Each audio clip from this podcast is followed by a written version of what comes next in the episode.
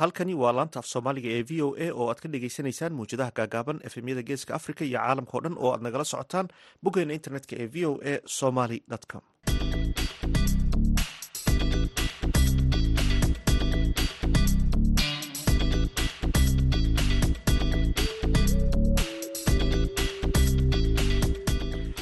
duhur wanaagsan dhegeystayaal waa kowdii barkii duhurnimo xilliga geeska africa iyo lixdii barkii subaxnimo xilliga magaaladani washington. Waa maalin khamiis ah kowda bisha sebtembar sanadka labada kun labaiyo labaatanka. Idaacadda duhurnimo ee barnaamijka dhallinyarada maanta waxaa idinla socodsiinaya anigoo ah xuseen bare aadan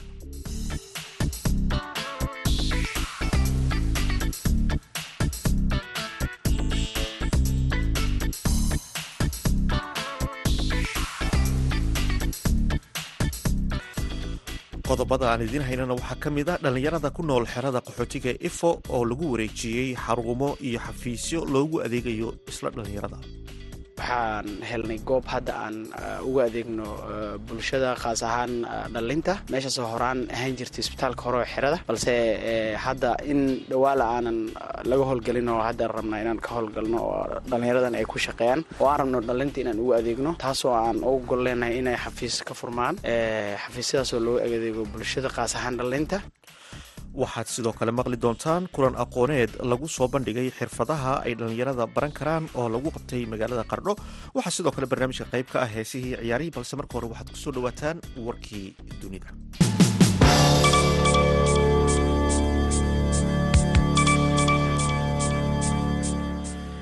Qaramada midoobey ayaa ku eedeysay dowladda shiinaha inay ku kacday xadgudubyo halis ah oo ka dhan ah xuquuqda aadamaha arrintan ayaa lagu shaaciyey warbixin la sugayey oo ku saabsanayd tacadiyada lagu eedeynayo in ay gobolka shanjing ee ka dhanka ah muslimiinta laga tirada badan yahay ee wiigriska shiinaha ayaa ku booriyey qaramada midoobay in aanay shaacin warbixintan oo ay ku tilmaantay mid meel kadhac ku ah qarannimadooda oo ay soo agaasimeen quwadaha reer galbeedka sida ay hadalka u dhigeen shiinaha ayaa khamiista maanta dhaleeceeyey xafiiska xuquuqul insaanka ee qaramada midoobay iyagoo ugu yeedhay amaba ku eedeeyey in uu gacansaar la leeyahay maraykanka iyo reer galbeedka.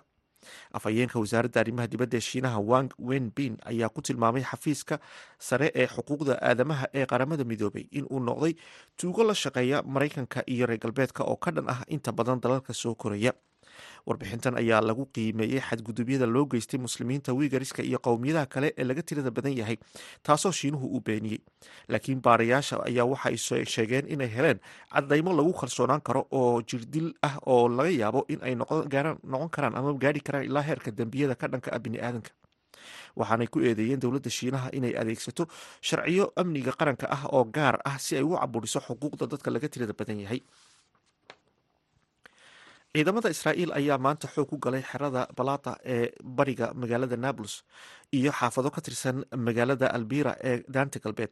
Waxaana halkaasi ka dhacay iska horimaadyo rabshado wata oo ay la galeen falastiiniyiinta. Sida ay sheegtay warbaahinta falastiin ciidamada gaarka ah ee israa'iil ayaa dilay saamir khaalid oo ka mid ah dadka deegaanka xerada al cayn kaasoo dhaawac uu ka soo gaadhay qoorta xili uu saarnaa gaadhigiisa oo ku sugnaa meel u dhow xerada wiil kale oo dhalinyaro ah oo lagu magacaabo yazan cafaan ayaa oo ka mid ah kana soo jeeda xerada qaxootiga ee qalandiya ayaa waxaa joogtay ciidamada israa'iil. Intii ay socdeen isku hor imaadyo ka dhacay magaalada albira. Ciidamada israa'iil ayaa sidoo kale xabsiga u taxaabay jaasir abu xamaada kaasoo la sii daayey markii ay dhalinyaro gadoodsan xoog ku galeen xerada balata waxaana ay ciidamada israa'iil ay gubeen dukaan ku yaalla xeradaasi ila deegaanka ah ayaa tilmaamay in ciidamada israa'iil ay weerareen tiro guryo ah oo ku yaalla isla xaafadda. Shabakada makaan ee dalka israa'iil ayaa xaqiijisay in howlgal ay ciidamadu ka fuliyeen daanta galbeed ay ku soo qabqabteen tiro dad ah oo falastiiniyiin ah. Waxaana intii uu socday howlgalkaasi lagu dilay laba dhalinyaro oo falastiiniyiin ah mana jiro wax khasaaraha oo soo gaadhay askartii amaba ciidamadii ka qayb qaatay howlgalkaasi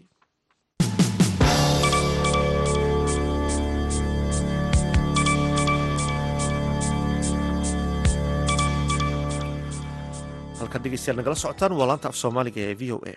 Hay'adda qaramada midoobe u qaabilsan qaxootiga u n h c r oo kaashanaysa waaxda arrimaha qaxootiga ee dalka kenya ayaa xafiisyo iyo xarumo ku wareejisay ururka dhalinyarada xerada qaxootiga ee ifo oo ka tirsan xeryaha dhadhaab kuwaasi oo loogu talagalay in loogu adeego dhalinyarada maxamed cusmaan cabdile oo ka mid ah guddiga dhalinyarada ifo ayaa uga waramay wariyaha v o eda ee dhadhaab axmed nuur maxamed cabdulaahi yogol waxaan ka mid ahay ururka dhallinyarada xerada ifo dadaal dheer oo ay samaysay hay'adda u n h r iyo ras oo hadda magaceeda u yahay d r s iyo ururka dhallinyaradaba waxaan helnay goob hadda aan uga adeegno bulshada khaas ahaan dhalinta meeshaasoo horaan ahaan jirtay isbitaalka hore oo xerada balse hadda in dhawaala aanan laga howlgelin oo hadda rabnaa inaan ka howlgalno oo dhallinyaradan ay ku shaqeeyaan oo aan rabno dhalinta inaan ugu adeegno taasoo aan ugu gol inay xafiis ka furmaan xafiisyadaasoo loogu adeego bulshada khaas ahaan dhalinta oo aan rabno inaan ku kabcino maxaa la jiray tababarya aan lagu qabanayo.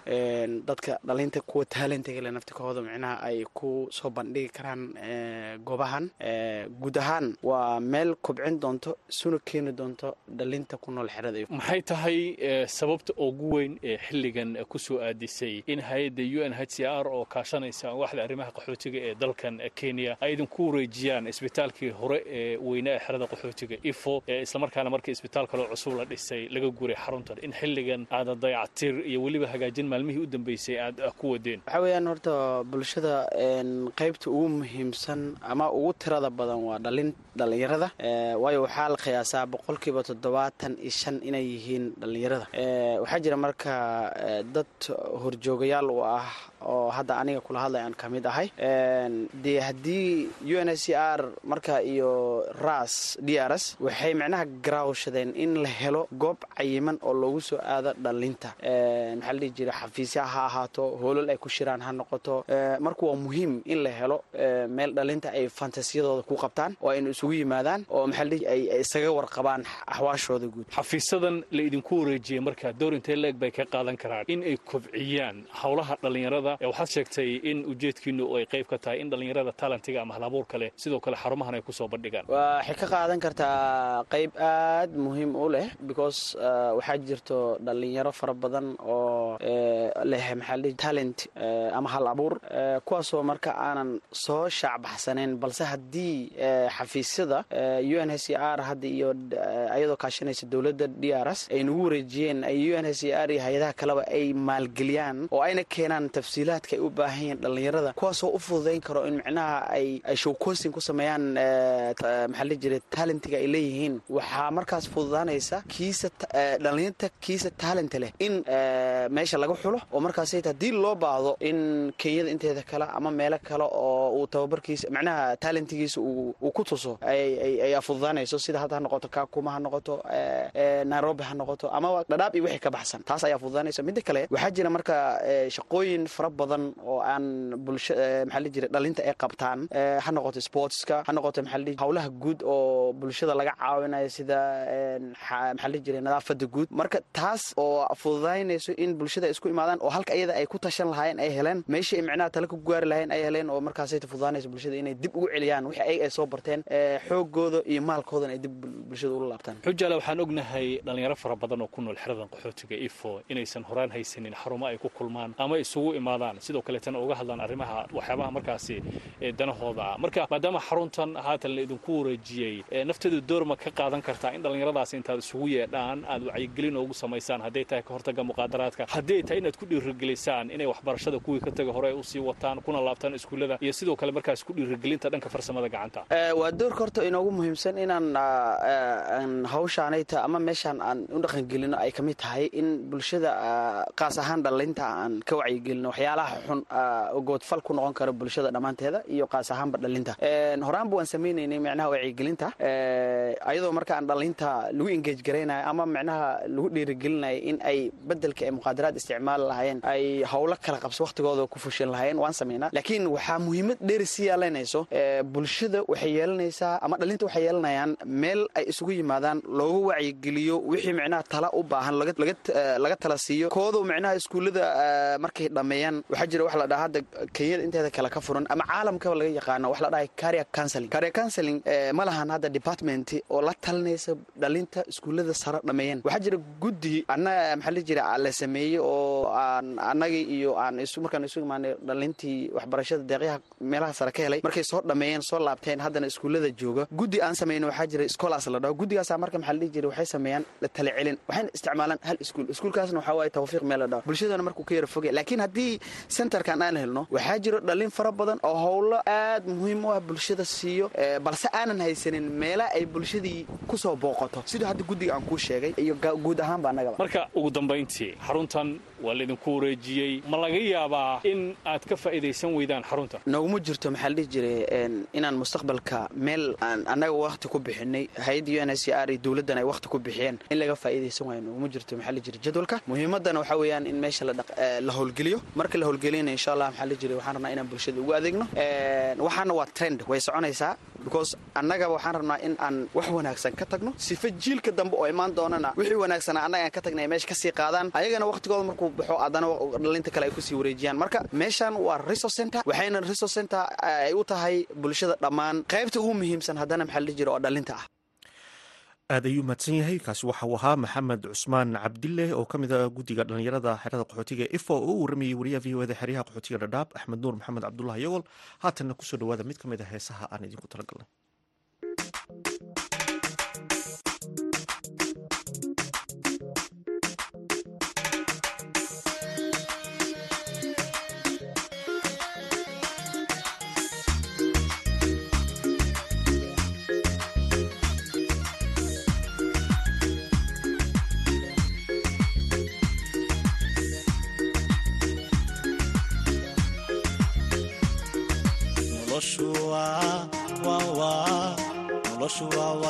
wada qurdoofyo axarna laga waayimayo jacaylkuna qulub maseego markuu calaf qiil qiilqiil ka waayo.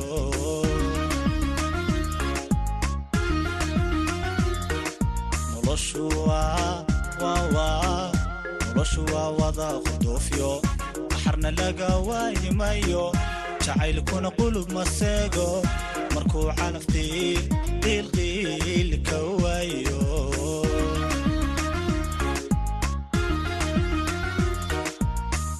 jacaylkan wada quweynay quweynay quruxu yeelnay. Qolfooftiyo ruuxda hoose dareenka ku quudinaynay siduu qoyskiinu yeelay kumuu noqon tacaw qasaar siduu qoyskiinu yeelay kumuu noqon tacaw qasaare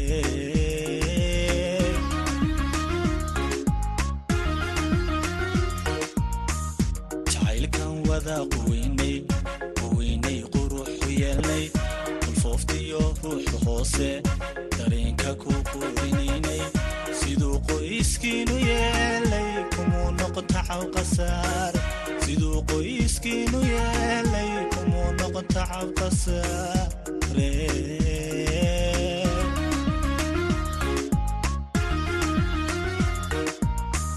qofaan qalbigaagu raacin lagugu siiyey adigu qalaad haysa saarin ilay sidanba qornayde. Qofaan qalbigaagu raacin haddii qasab lagugu siiyey adigu qalaad haysa saarin ilay sidanba qornayde.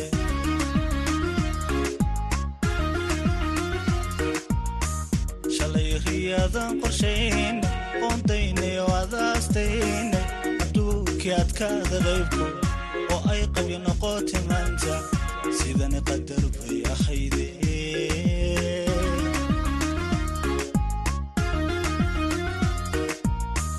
shalay riyaadan qorshayn qoondaynay oo adaastayn adduunkii adkaada qaybku oo ay qabyo noqotay maanta sidani qadar bay ahayde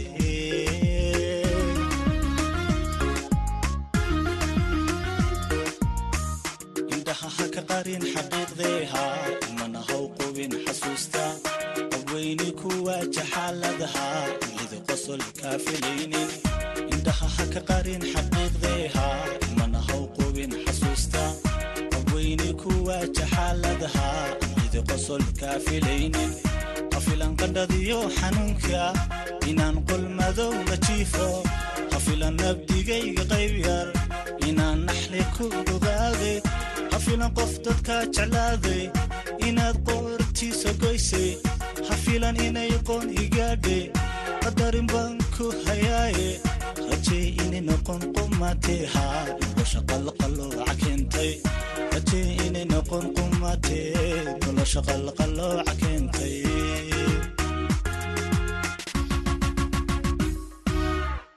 hafilan qandhadiyo xanuunka inaan qol madow la jiifo hafilan nabdigayga qayb yar inaan naxli ku ogaaday hafilan qof dadkaa jeclaaday inaad qoortiisa goysay. Hafilan inay qoon igaadhay qadarin baan ku hayaaye.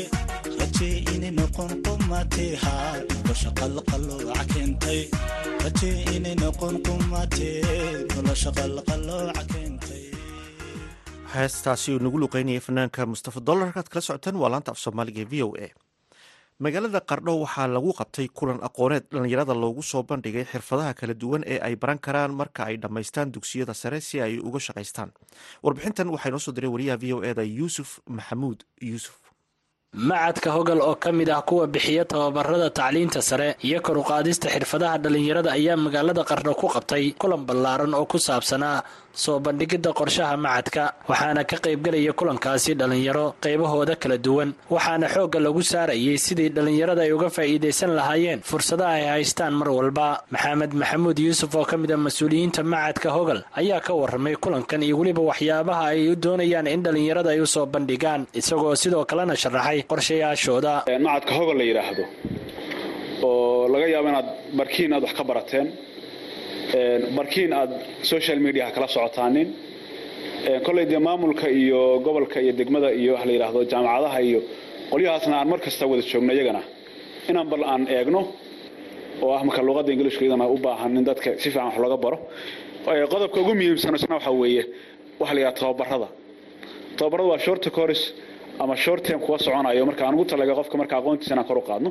Saddexdaas qodob baa annaga hadafka iyaga guud aan bixinaa. Markaan eegno waxa la yidhaha training programska iyagana maxaa qorshe laba kun iyo labaiyo labaatan laba kun saddex labaatan nooga degsan?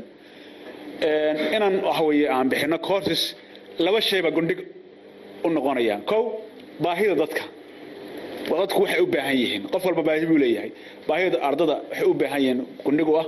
Sidoo kale waxa la yidhahdo skills adduunkaa sida haddana waqtiga aan maanta joogno in qofku waxa weeye iska qaato maado iska qaato waxaa uga muhiimsan inuu helo waxa la yidhahdo skill beri ka maalin markaa ku noqon karo waxa weeye independent ku noqon karo. Qofka qof isku isaga isu kalsoon waxa weeye oo keligiis shaqaysan karaya qaar ka mid a dhallinyarada aqoon-yahanka ah ururada bulshada magaalada qardho ayaa ka hadlay madashaasi iyagoona sheegay in ardayga ka baxa macadkaasi uu u qalmo in waxbarashadiisa sare uu ka sii wato macaahidada iyo weliba jaamacadaha ku yaalla gudaha dalka. Jaamacadda heshiis baanu kula jiraa ee ardayga ay soo saaraan inuu jaamacadda mustawaha uu la jaan qaadi karo. Markii uu yahay arday hadde waa laga yaaba hade gaabab kale inay soo bixi karaan waqtiyadooda.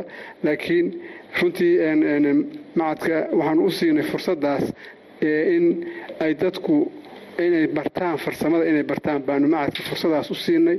Inaan u aqoonsanno qofka ay soo saaraan iyaguna ay ku ilaaliyaan ardada ay wax u dhigayaan oo dibloomka siinayaan in ay ilaaliyaan oo la socdaan manhajka jaamacaddu ay bixiso si ay isu waafaqaan markuu ardaygu u yimaado oo aan u kala durugsanaan. Midda labaad anigu dadka waxaan ka mid ahay traaninadaan hadda la soo bandhigay ka qayb qaatay baan ka mid ahaa.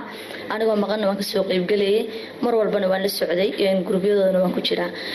Run ahaantii dhallinyarada hadda iskoolka dhammaynaysa iyo kuwa dhammaysaba anu waxaan kula talan lahaa inay fursadahan oo kale ka faa'iidaystaan. Marka xigtana waxaan rabaa inaan u mahadceliyo aan aadna ugu faraxsanahay inaan ka soo qayb galay barnaamijka caawa ay inoo soo bandhigeen hogol waxaan leeyahay macadkan waa macadkii magaalada qarood u baahnayd. Waa macad tayadiisu aada u sarayso dad badanna iyo dhalinyaro badanna hadeer ay si fiican wax uga barteen kuna faa'iideen.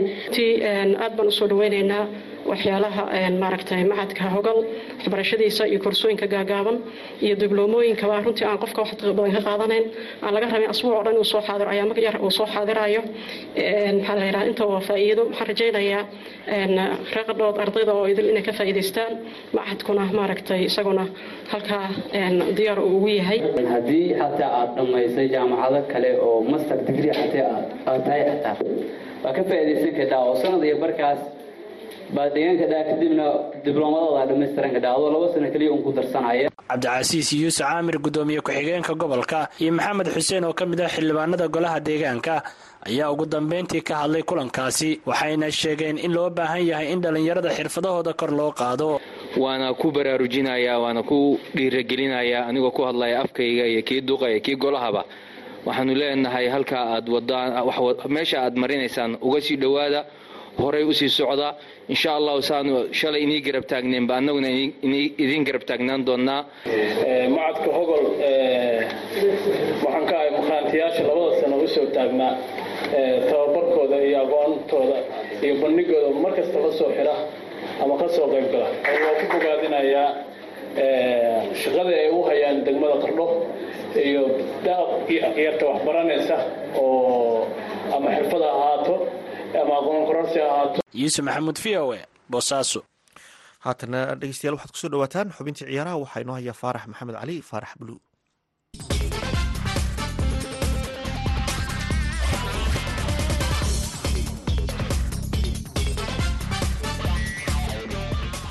kulanti wanaagsan dhegaystayaal meel kastoo aad joogtaan kuna soo dhowaada xibinta ciyaaraha ee maanta. Aan ku bilownay shan kulan oo ka tirsan horyaalka premier league ayaa xalay la ciyaaray. Kooxda arsenal oo horkacaysa horyaalka ayaa labaiyo hal uga badisay kooxda astonvilla arsenal waxaa goolasha u dhaliyay gabriel jesus iyo gabriel martinelli halka astonvillana uu goolka u dhaliyay ciyaaryahankooda douglas louis imaanshaha jesus ee arsenal ayaa qeyb weyn ka qaatay bilowgii ugu fiicnaa ee xilli ciyaareedkan ee arsenal waxaana goolkii uu ka dhaliyay astonvilla uu wadar ahaan ka dhigayaa saddex gool oo uu dhaliyey iyo saddex gool oo kale oo abuuray shantii kulan ee furitaanka horyaalka waxaana taasi jebinaysaa rikoorkii gool dhalinta ee shantii kulan ee ugu horeysay premier leaga ee masuud ozil. Rikoorkaasi oo uu dhigay markii uu ka yimid kooxda real madrid sannadkii labada kun iyo saddex iyo tobankii. Arsenal ayaa badisay shantii kulan ee furitaanka horyaalka hal xilli ciyaareed markii ugu horeysay tan iyo xilli ciyaareedkii labada kun iyo afartii labada kun iyo shantii iyadoo sanadkaasna ku dhammaysatay kaalinta labaad waxay arsenal wajihi doontaa tijaabadeedii ugu weyneed ee xilli ciyaareedkan maalinta axadda ah marka ay ka hortimaado kooxda manchester united. Manchester cityna waxaa xalay lixdii eber ku dirtay kooxda nottingham forest. Saddex ka mid a goolashaasi waxaa dhaliyay weeraryahankooda cusub ee waddanka norway erlin haland haland ayaa noqday ciyaaryahankii ugu horreeyey ee sagaal gool ka dhaliya shantii kulan ee ugu horreysay premier leaga kadib markii uu dhaliyey saddexleydiisii labaad isagoo dhaafa rikoorkii aguwera oo dhaliyey siddeed gool shantii kulan ee ugu horreysay horyaalka england. Bilowga haaland ee nolosha garoonka itixaad stadium ayaa durbo dhalisay dood ku saabsan inuu jebin karo rikoorka gool dhalinta ee city ee laba boqol iyo lixdan gool uu dhaliyey dhammaan tartamada ciyaaryahan aguero. Laakiin tababaraha city beb guardiola ayaa aaminsan in haaland uu jebin karo rikoorkaasi isagoo dhinaca kala sheegay in aguero uu ku qoran yahay qalbiyada taageerayaasha manchester city maadaama uu ahaa ciyaaryahankii dhaliyay goolkii guusha ay horyaalka ku qaadeen sannadkii labada kun iyo toban iyo labadii kaas oo taariikhda casriga ah ee kooxda isbeddel weyn ku sameeyey. Westham united iyo tottenhamna waxay ku kala baxaan hal iyo hal liverpoolna waxay labiyo hal dirqi ah kaga badisay kooxda newcastle. Halka kooxaha bortsmouth iyo wolverhamptonna ay ku kala baxeen eber iyo eber caawana kooxda lester city ayaa martigelin doonta kooxda manchester united. Tababaraha kooxda manchester united ten hang ayaa dhinaca kala difaacay lacagta suuqa kala iibsiga ay ku qarash garaysay manchester united sanadkan isagoo ku adkaystay inay tahay habka kaliya ee ugu tartami karto booska afraad ee kala horeynta horyaalka ingiriiska.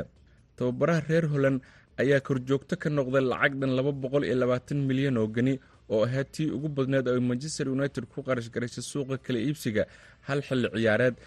Dhinaca kalena maanta waa maalintii ugu dambeysay ee suuqa kala iibsiga ciyaartooyda waxaana heshiisyada ugu waaweyn ee saacadaha ugu dambeeya dhici kara ka mid ah weeraryahanka kooxda barcelona obamiyang oo laga yaabo inuu u saxiixa kooxda chelsea islamarkaana ku soo noqdo horyaalka premier leaga xubintii ciyaarahana dhegeystayaal maanta waa naga intaa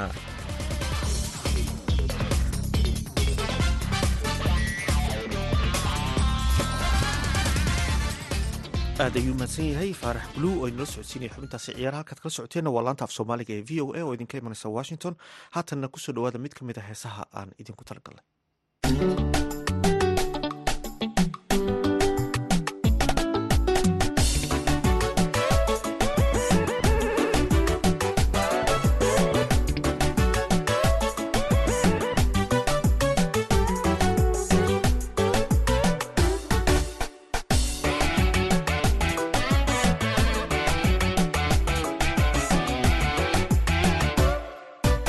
inkastoo waqtiga yimid kala waatay xidhiidhkeen madaafiro wanaagii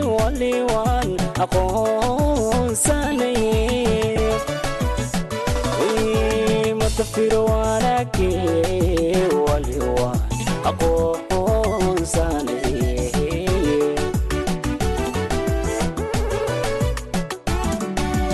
inkastoo waqtiga yimid kala waaday xidhiidhkeen madaafiro wanaagii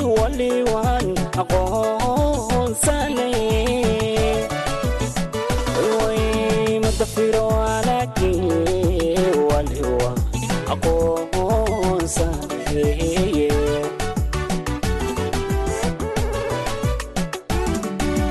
Wax ku neceebima baro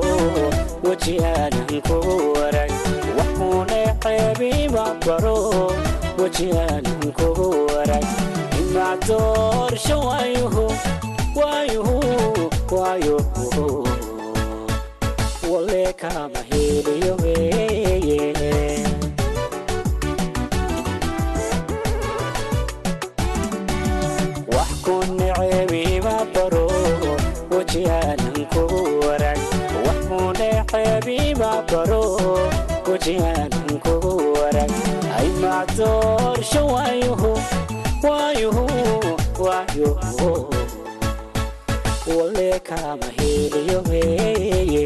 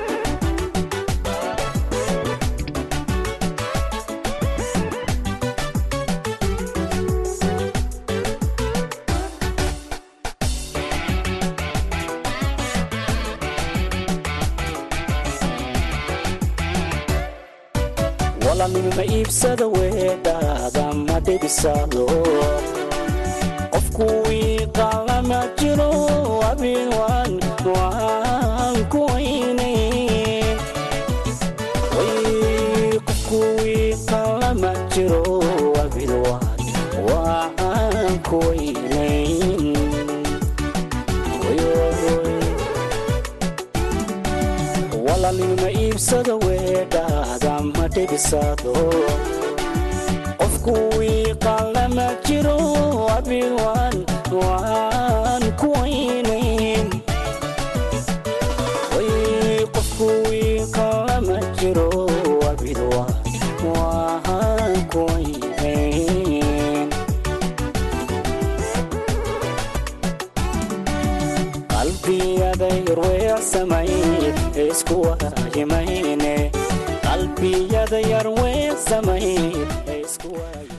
heeskaasi uu nagu luqaynayay fanaanka nimcaan hilaac ayaan ku soo gabagabaynaynaa baahinteena idaacadeed oo si toosa idinka imanaysay laanta af soomaaliga ee v o a washington. Tan iyo kulanti dambe waa dhammaan bahda laanta af soomaaliga oo idinle v o a. Sidaas iyo nabadgelyo